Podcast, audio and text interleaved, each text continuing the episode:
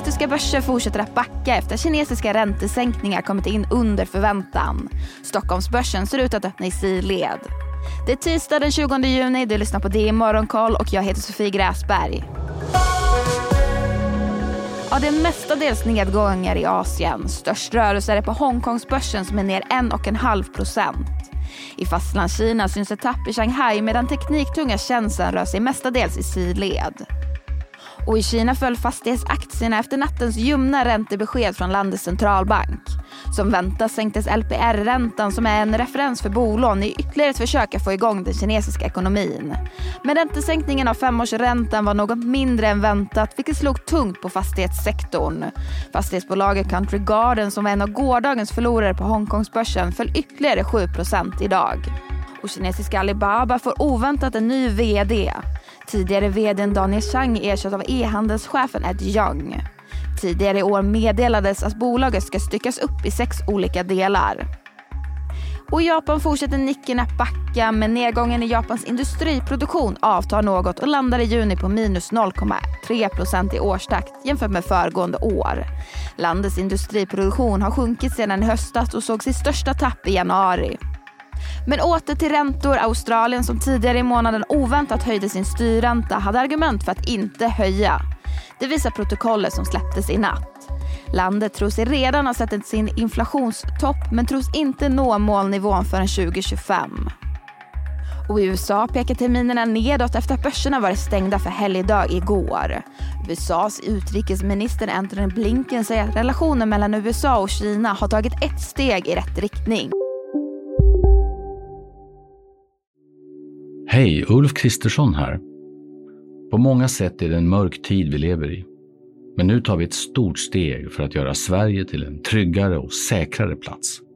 Sverige är nu medlem i Nato. En för alla, alla för en.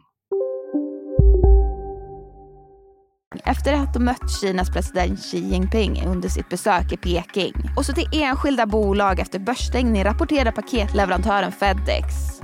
Den amerikanska chipjätten Intel beviljas subventioner på motsvarande 120 miljarder kronor från Tyskland för att bygga en jättefabrik för halvledare i landet. Subventionerna som blev betydligt högre än väntat beräknas täcka en tredjedel av kostnaderna för fabriken. Och på tal om Tyskland så får vi på morgonen in tyska producentpriser som väntas sjunka till 1,8% i årstakt från tidigare 4,1. Vidare i Europa så EUs energiministrar misslyckades på måndagen att enas om en reform av EUs elmarknad vars syfte är att stabilisera elpriserna. Däremot enades ministrarna om en möjlighet till nationellt pristak vid kriser och om ökad övervakning av marknaden för att stärka skyddet mot manipulation av marknaden.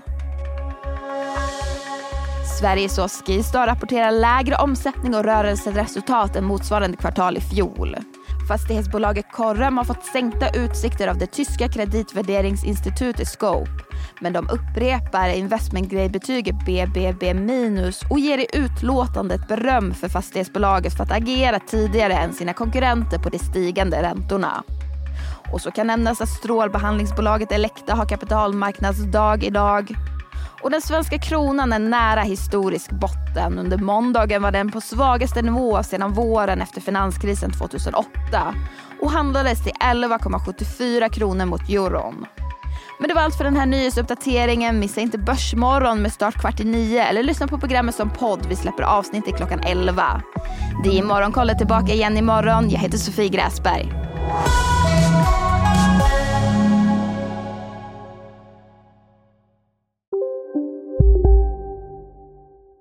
Där det finns ett samhälle, där finns det brott. Krimrummet är podden som tar brottsligheten på allvar. Jag bjuder in landets ledande experter och tar upp aktuella rättegångsfall för att begripliggöra den kriminalitet som kryper allt närmare. Du, alltså, du kan knäcka ett eller några gäng, men det kommer komma nya och så kan vi knäcka dem sen. Men att du ska knäcka allt forever, det kommer aldrig ske. Det är infinite gain. Lyssna på Krimrummet, en podd från Expressen med mig Kim Malmgren. Vi är specialister på det vi gör, precis som du. Därför försäkrar vi på Swedea bara småföretag, som ditt. För oss är små företag alltid större än stora och vår företagsförsäkring anpassar sig helt efter firmans förutsättningar. Gå in på swedea.se företag och jämför själv.